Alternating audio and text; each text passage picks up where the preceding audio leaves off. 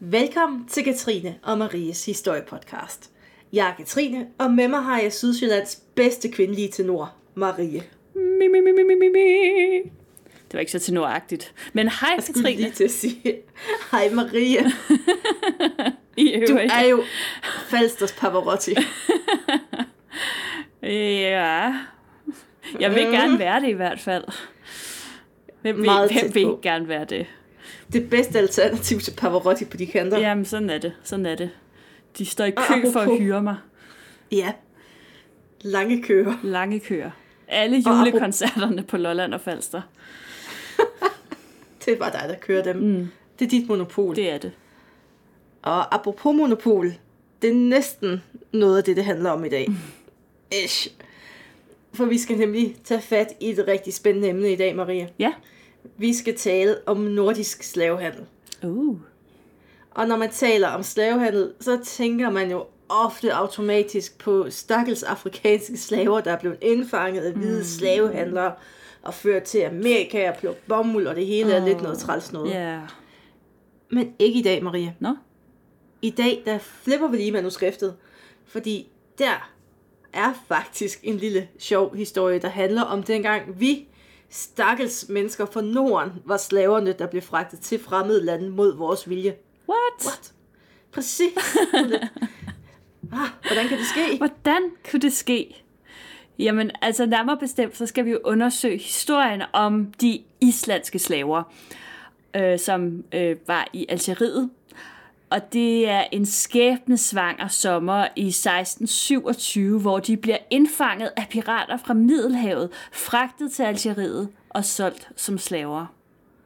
Og den her historie, den lyder jo helt absurd, ikke? Altså, Lidt. der er jo flere ting. Altså, pirater fra Middelhavet, Ved hvad laver de på Island? Ja. Hvorfor vil man overhovedet indfange islandske mennesker? Har, har de en speciel værdi? Ja. Og, oh, Hvorfor har man ikke valgt nogen, der var lidt tættere på? Nogen, der var lidt bedre? Ja, der er Ja. kun spørgsmål, der skal besvares i dag. Og der er endda okay med kildemateriale på området. Okay. S- Ja, og der er endda sådan lidt kongelig indblandet, eller mangel på samme, kan man sige, fra Christian den 4., så der er næsten fuld plade på historikere. Ja. Og for at forstå, hvorfor islændingene de blev ofre for de her middelhavspirater, så er vi jo nødt til først at forstå slavehandel i middelalderen.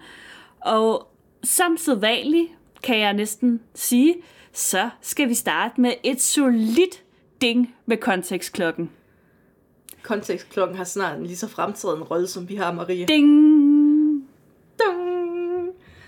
Ja, fordi slavehandel, det var big business på det her tidspunkt. Også på det her tidspunkt. De arabiske slavehandlere, de oplevede i middelalderen en stor efterspørgsel på hvide slaver for Europa. Det var ikke nok med de stakkels afrikanere. Der skulle sådan lidt en anden smag på. Mm. Og efterspørgselen, den kunne sådan nogenlunde dækkes lokalt faktisk af europæiske slavehandlere. De her europæiske slavehandlere, de opkøbte krigsfanger. Dem er der jo en del af i krig, og Europa var del med meget i krig i middelalderen. Altså jeg vil sige, hvis vi er i 1627, og så er vi midt i 30-årskrigen, der var ret mange krigsfanger Der var rigeligt. Og de her krigsfanger, de blev solgt videre med profit selvfølgelig til de arabiske slavehandlere. Og det lyder måske lidt effi, men det var faktisk helt normal praksis i middelalderen. Mm. Ja. Øh, og, og mellem år 1500 og, og 1800, så estimeres der, at der er mellem 1 million, wow, det er mange, og 1,25 millioner, det er endnu flere, europæere, vesteuropæere, der blev solgt til de muslimske lande. Her øh, antages det, at op mod 2.000 af dem var fra Skandinavien og Island. Og de her europæere, de blev solgt på slavemarkeder i Tripoli, i Tunis, øh, i Algier og i Rabat Saleh, tror jeg det udtales. Så smukt. Ja, og, øh, eller blev udvekslet mod løsepenge. Og middelalderens pirater, de havede i Middelhavet. Der var selvfølgelig rundt omkring hele Europa, men der var en koncentration af dem i Middelhavet. Mm. Og de var, ikke ulige vikingerne faktisk, ikke blege for at søge mod fjernere himmelstrøg for bedre bytte. Og piraterne, de sejlede ud fra Algeriet og Libyens kyst, og der plyndrede de de her middelhavslande, de lå jo dejligt tæt på. Og det var under høsten, man angreb, fordi der vidste man, der havde de mad, og mad, det er jo bare... Enten kan man sælge det, eller spise det. Det Så er en win-win Og så situation. fik de nogle gode, velnærede slaver.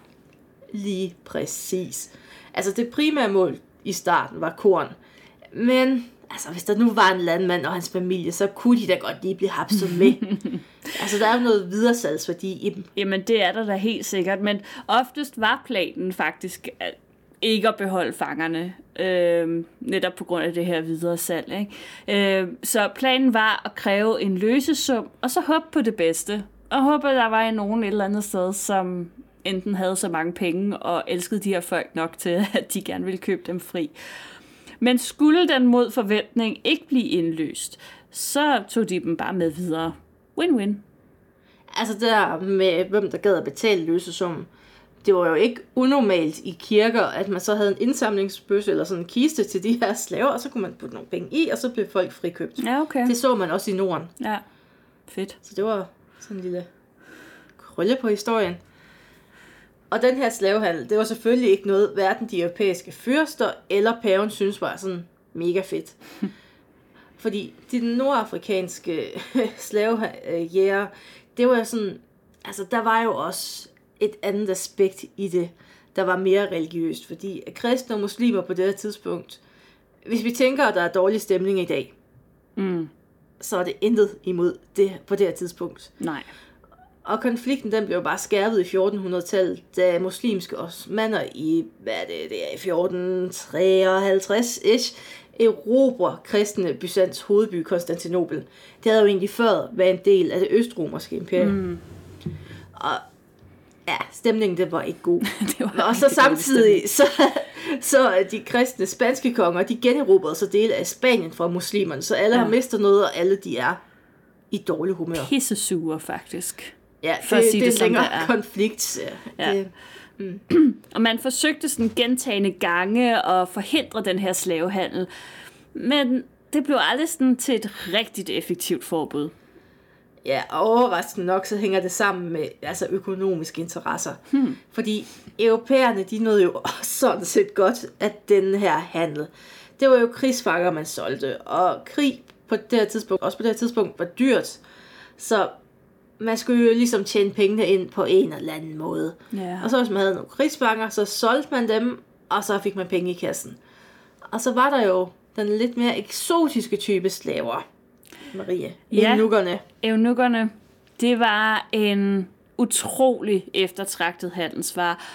Og hvis man ikke lige er helt skarp på, hvad det nu lige er, sådan en eunuk er, så er det sådan en, der har fået kappet.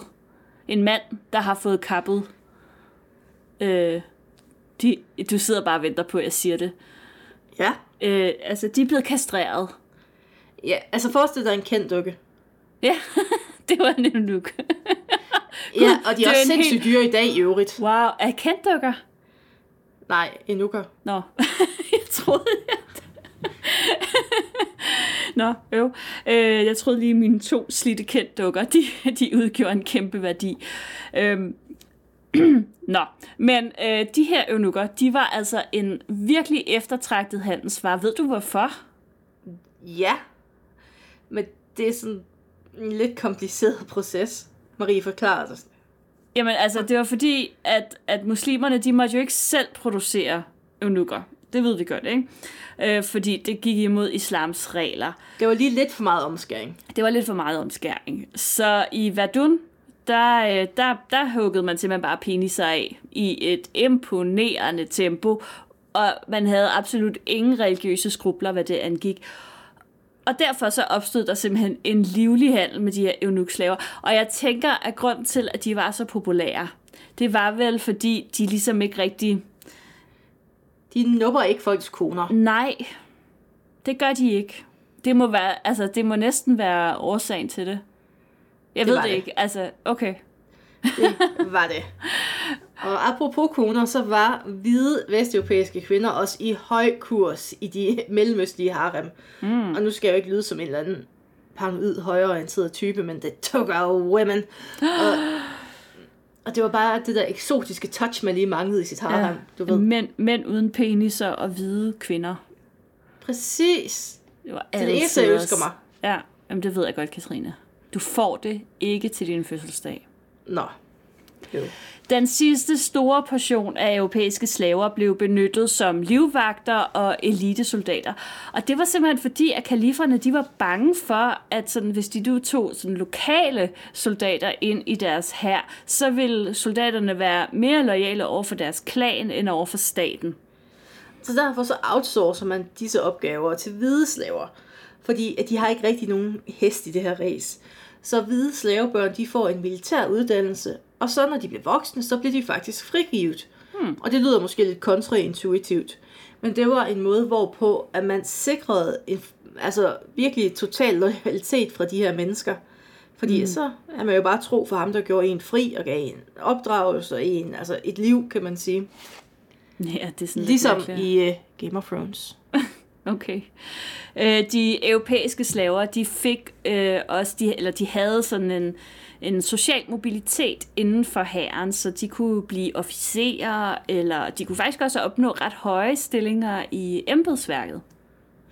Ja, og nu smider jeg en fun fact ind igen. Mm. Øh, du ved godt, øh, Mamelukhæren, der raserer i Europa i 1200-1300-tallet, frem mm. til Napoleon, han giver dem tæsk. Ja. Det var rent faktisk oprindeligt en hvid slave her Okay.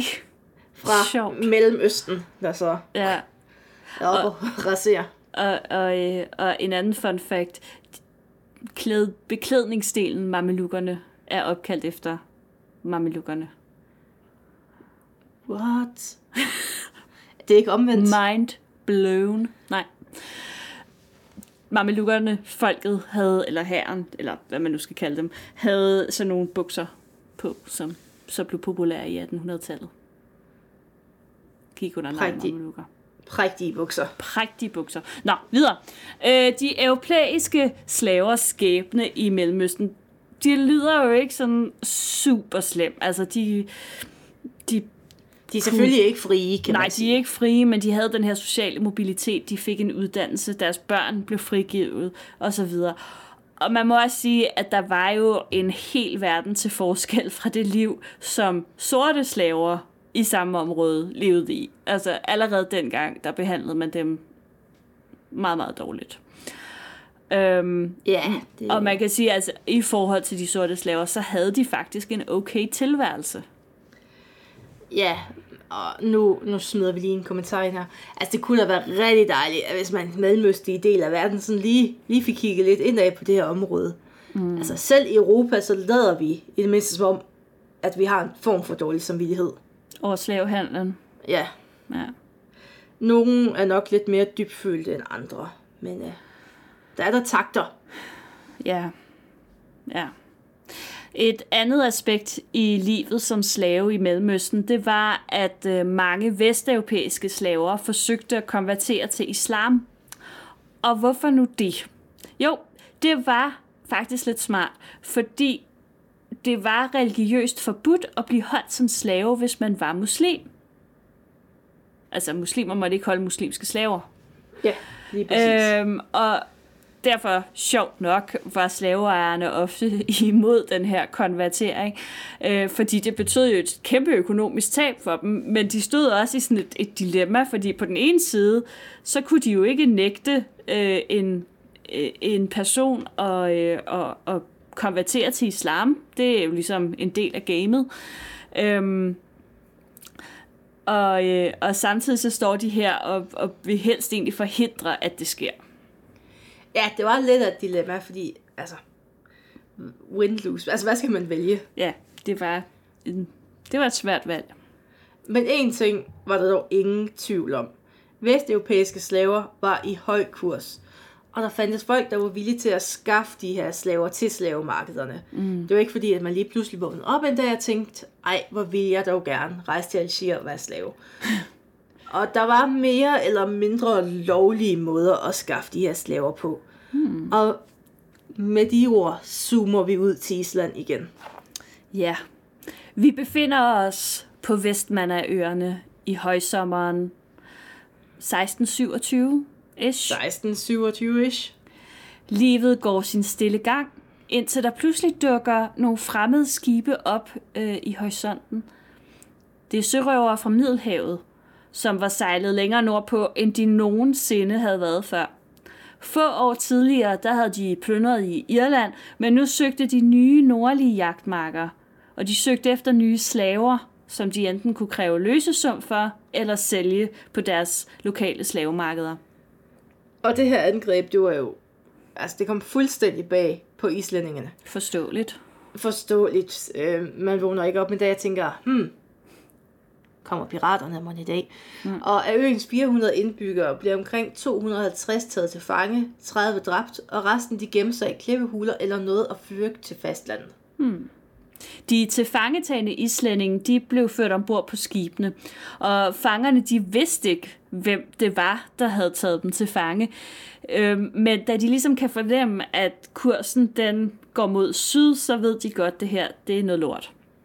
Ja. Yeah. Ja.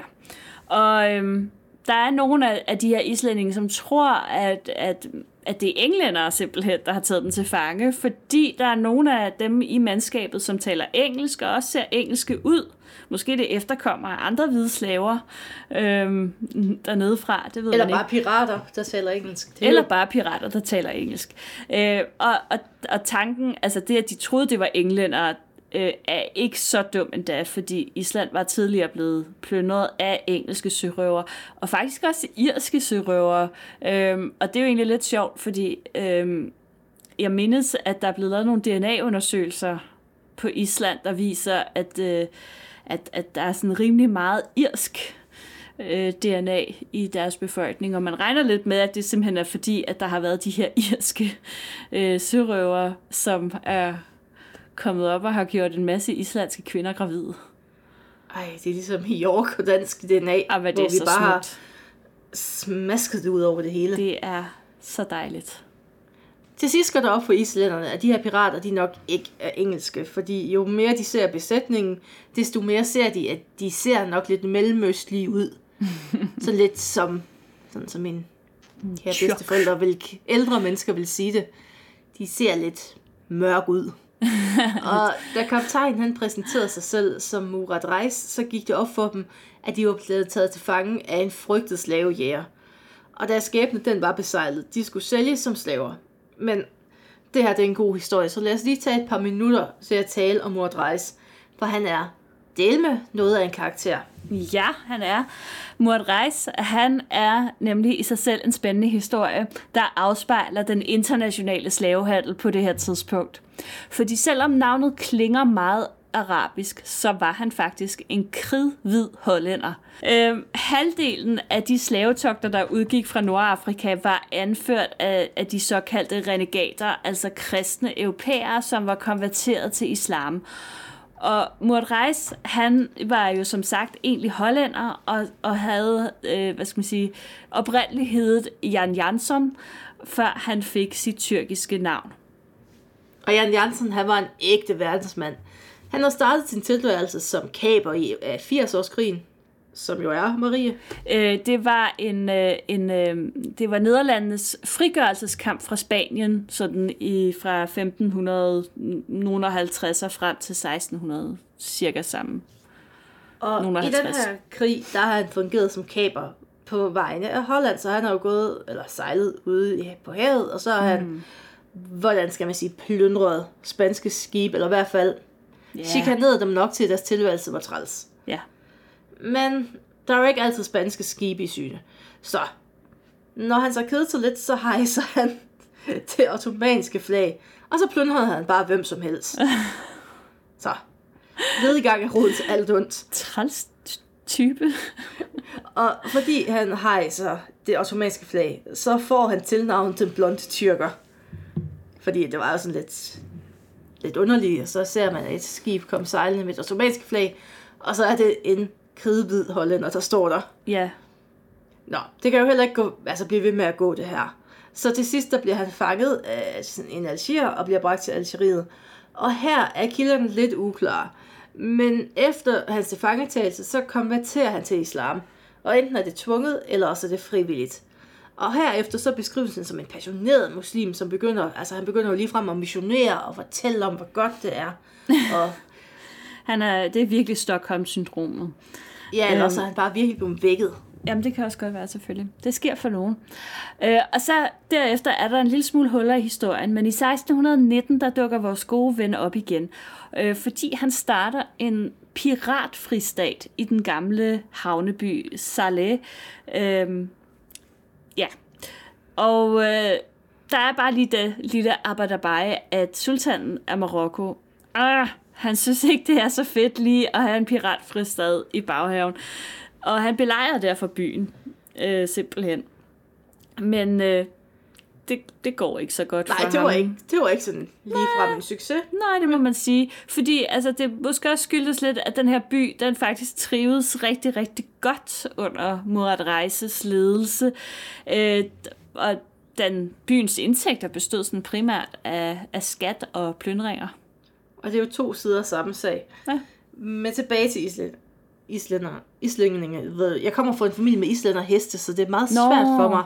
Ja, okay. Ligesom, øh, Jamen, jeg tror, det er rigtigt, at du har skrevet islændingen. Is, Islændinge. Ja. Ja. ja.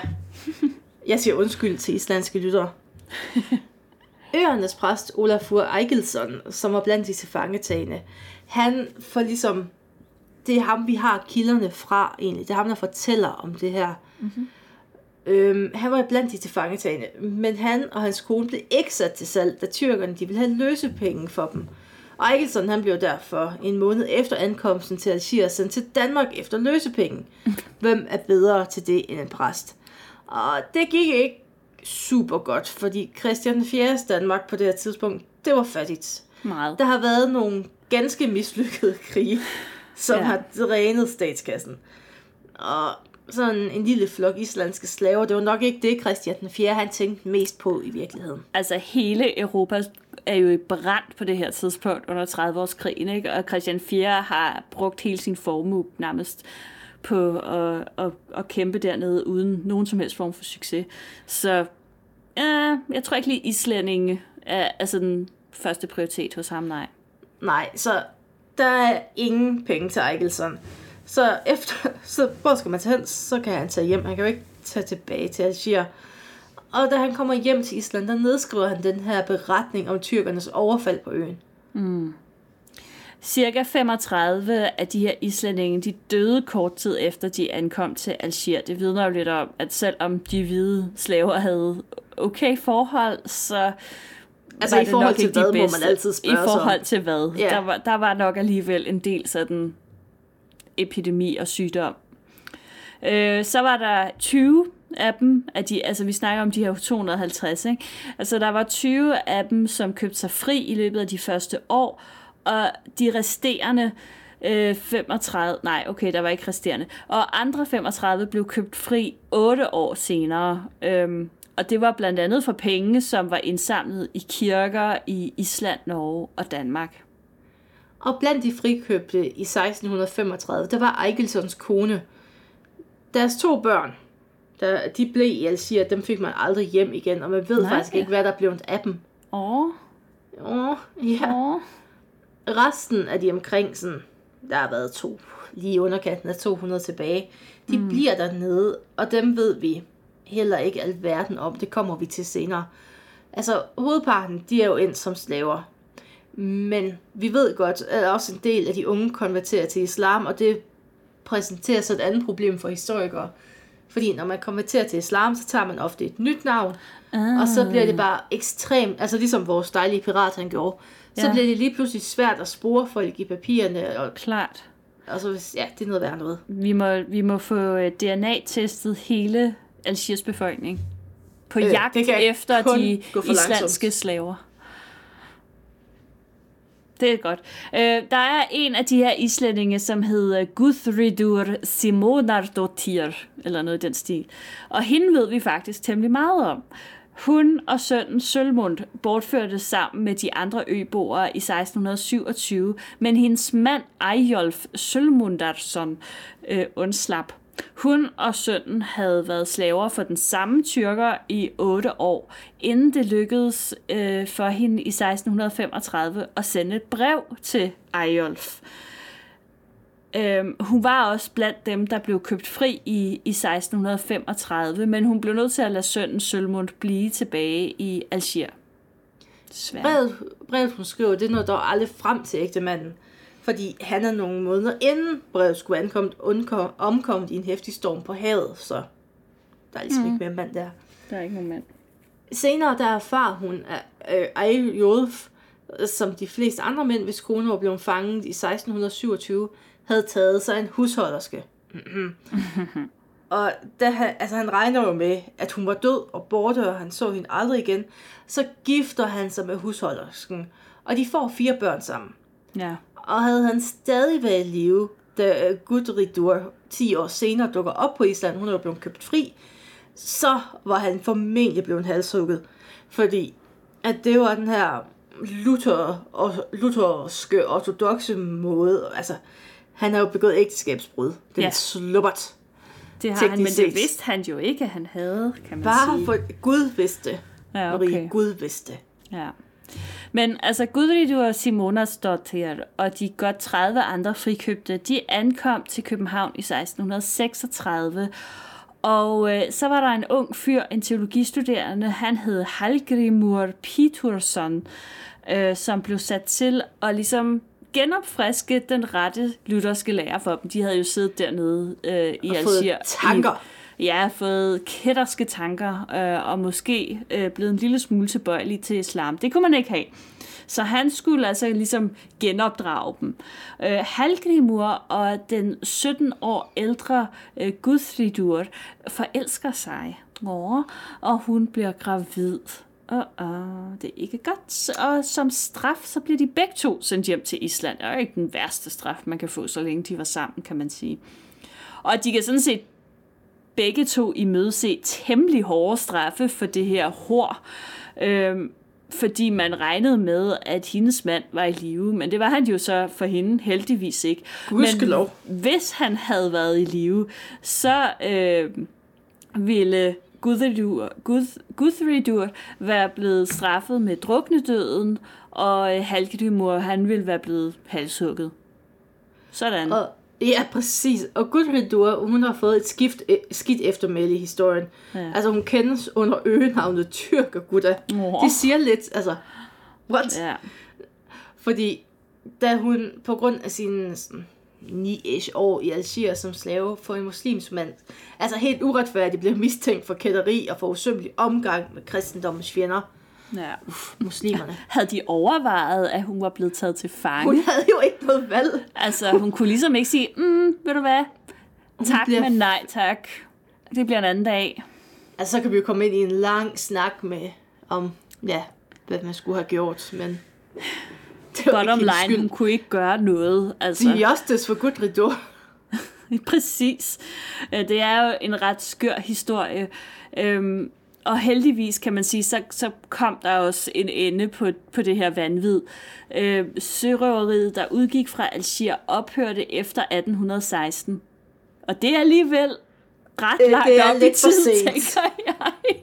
Hvad? Hvad sagde du? Det er lidt for sent. Ja, det er lidt sent, og det var meget langt op i tid. Øhm, men det, øh, og den eneste årsag åbenbart til, at det her sørøveri, det ligesom stopper, det er fordi, at øh, engelske kanonbåde sønderbomber Algier. Det, Så altså, gider de ikke det mere. og det er jo altså det er jo en skør historie, og det er også umuligt at vurdere, hvor mange skandinaviske slaver, der reelt var.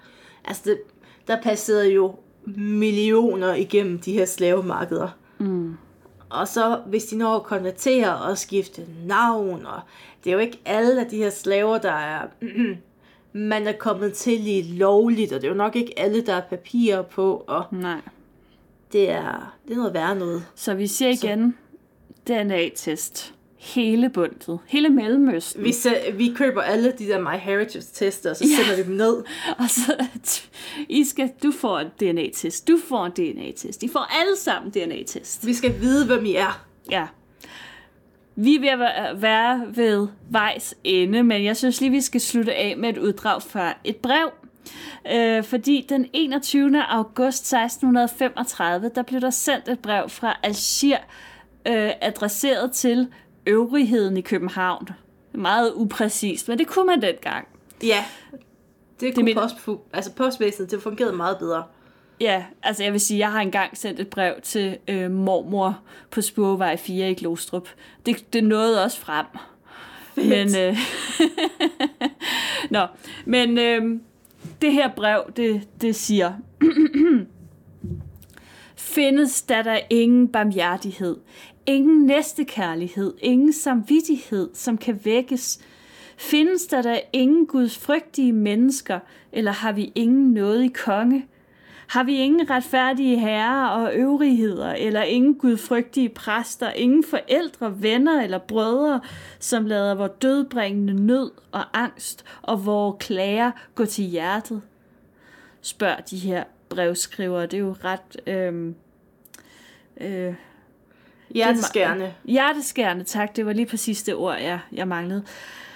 Ja, det må man sige. Der har siddet nogen dernede i Algier og virkelig følt, at de var blevet overladt til sig selv. Og gennem årene, der bliver der sendt adskillige breve øhm, fra Algier og til Danmark og Island går jeg ud fra, men at, altså, de her folk, de har aldrig fået svar på deres breve. Ja, fordi at brevskriverne, de kunne godt blive snydt. Dengang kunne man godt udgive sig for at bringe breve ud. Mm. Og så kan man komme ned, altså tilfældigvis gå ned og sige, jeg vil godt bringe det her brev til Danmark, så får jeg nogle penge. Og så på vejen tænker jeg, hmm, jeg kunne også smide brevet væk, og så kunne jeg købe sukker og huder i stedet for. Mm. Fedt, fedt, fedt. Og det er jo også altså, løsesummen, der blev brugt af sådan nogle falske, altså i dag vil man nok kalde det falske agenter. ligesom i fodbold. Ja. Og man bare tager pengene og siger, tak for det, farvel. Ja, ja. Og man er bare ikke sikker på, at dem, der møder op for at tage imod løsepengene, det er de rigtige mennesker. Nej. Fordi det er jo også en kold og kynisk branche. Fordi når man så har de her indsamlinger i kirken, så er der jo ikke engang tid for dem, der møder op og beder om løsesummen. Det er dem, der kan give slaverne fri. Nej, de stikker bare af med pengene. Ja, lige præcis. Så- Så, køber så sukker hvor- og huder. Så hvor, hvor mange penge er egentlig blevet øh, samlet sammen for at frigive slaver, og så bare endt i en eller andens vestelomme? Det er helt sindssygt. At, ja, Ja. Det er tragisk. Og det, som kan man sige, på en eller anden måde også er enormt uforløst, det er jo det der, hvad blev deres skæbne, hvor de blevet af, alle de her folk. Altså, de er jo på en eller anden måde bare forsvundet. Ja. Sådan. opslugt af samfundet, ikke? Så rent DNA-mæssigt burde man jo sådan set kunne finde dem dernede. Vi skal i gang. Ja, men det skal vi. I ringer bare, hvis der er nogen, der skal have lavet et eller andet, så, øh, Så sætter bare og også på sagen. Vi tager ned og poder alle i Algeriet. Igen. Igen. Katrine, det har vi snakket om. Det skulle vi ikke sn- snakke om igen. Det var et mislykket forsøg. Og med de ord, tak fordi I lyttede med. Øh, vent lige lidt. Nej, Jeg tænkte bare lige på, at, at vi skulle måske lige sige, at i næste uge bliver en lille smule anderledes. skal vi ikke bare lade det være en overraskelse, når næste uges afsnit siger piu og Ja. dukker op i folks feed. Okay. De kan glæde sig til noget anderledes. Vi sender fra en friat panda.